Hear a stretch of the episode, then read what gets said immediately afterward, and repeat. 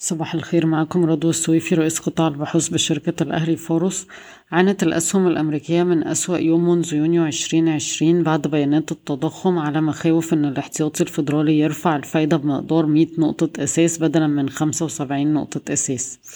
خمس صناديق خليجية كبرى على استعداد للمشاركة في حزمة تمويلية تتجاوز عشرة مليار دولار للمساهمة في برنامج تغير المناخ نوفي بما في ذلك الصندوق الكويتي للتنمية صندوق أبو ظبي للتنمية والصندوق السعودي للتنمية.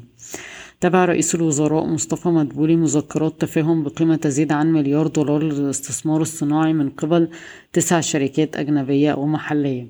تهدف وزارة البترول إلى زيادة استثمارات شركات النفط الأجنبية العاملة في البلاد لسبعة وخمسة وسبعين من مية مليار دولار في السنة المالية 22-23 بزيادة سنوية 35% وافقت الهيئة العامة للرقابة المالية على تعديلات جديدة لقواعد قيد وشطب الأوراق المالية بالبورصة لتسهيل العملية وسيتم ذلك من خلال السماح بتسجيل الأوراق المالية مؤقتا دون استيفاء الشروط مع مهلة ست شهور بدلا من شهر لتوفيق الأوضاع.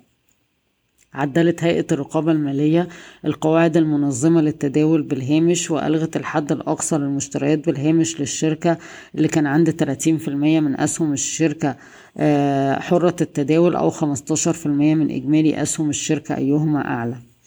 تهدف البورصة إلى طرح خمس أو ست شركات جديدة في غضون ست شهور مع الاعتماد على برنامج الطروحات الحكومية. تعمل مصر المقاصة على إطلاق تطبيق يمكن للمستثمرين من خلاله جمع العوائد والأرباح بسهولة. أهم خبر يمكن النهاردة هو رفع أسعار الغاز لمنتجي اليوريا. نشر مجلس الوزراء في الجريدة الرسمية أن هيتم تعديل أسعار الغاز طبقا لمعادلة سعرية. المعادلة السعرية دي بترفع سعر الغاز بالنسبة للمنتجين. لو سعر اليوريا بالتقريب يعني السعر العالمي عند 500 دولار هيبقى سعر الغاز 5 دولار و72 سنت قريب جدا من السعر الحالي. لكن لو سعر اليوريا زي دلوقتي أعلى من 700 دولار هيكون سعر الغاز 7 دولار 22 سنت. 800 دولار سعر اليوريا هيكون سعر الغاز 7 دولار 97 سنت وهكذا. كل التفاصيل هتلاقوها مكتوبة في ال pre-trading thoughts آه ويعني التلخيص للقصة إن النهارده آه على المدى القصير طبعا ده هيأثر على هوامش آه الشركات آه ولكن على المدى الطويل لما أسعار اليوريا ترجع تاني تهدى وتنزل أقل من 500 دولار ده هيكون إيجابي للشركات لأنها ساعتها هتدفع غاز أقل من 5 دولار و75 سنت.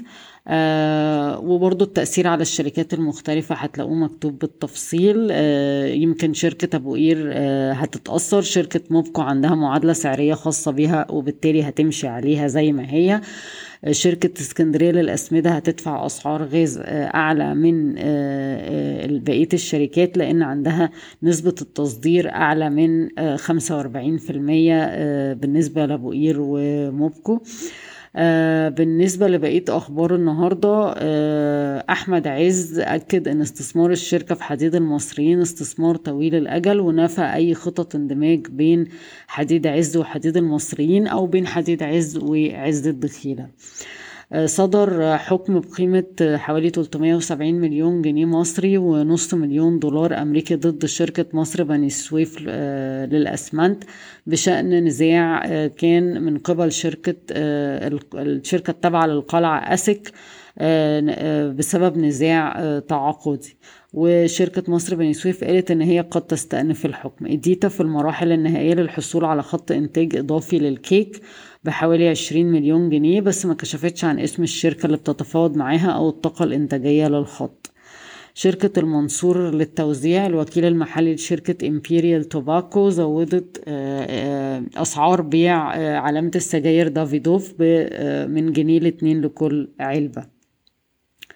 شركة تصنيع قطع غيار السيارات اليابانية يازاكي بتنتظر الحصول على أرض عشان تبني مصنع بعشرين مليون يورو في الفيوم لتصدير قطع غيار السيارات بموجب نظام المناطق الحرة والمفروض هيبتدي المصنع يشتغل في نهاية عام عشرين أربعة وعشرين. بشكركم ويوم سعيد.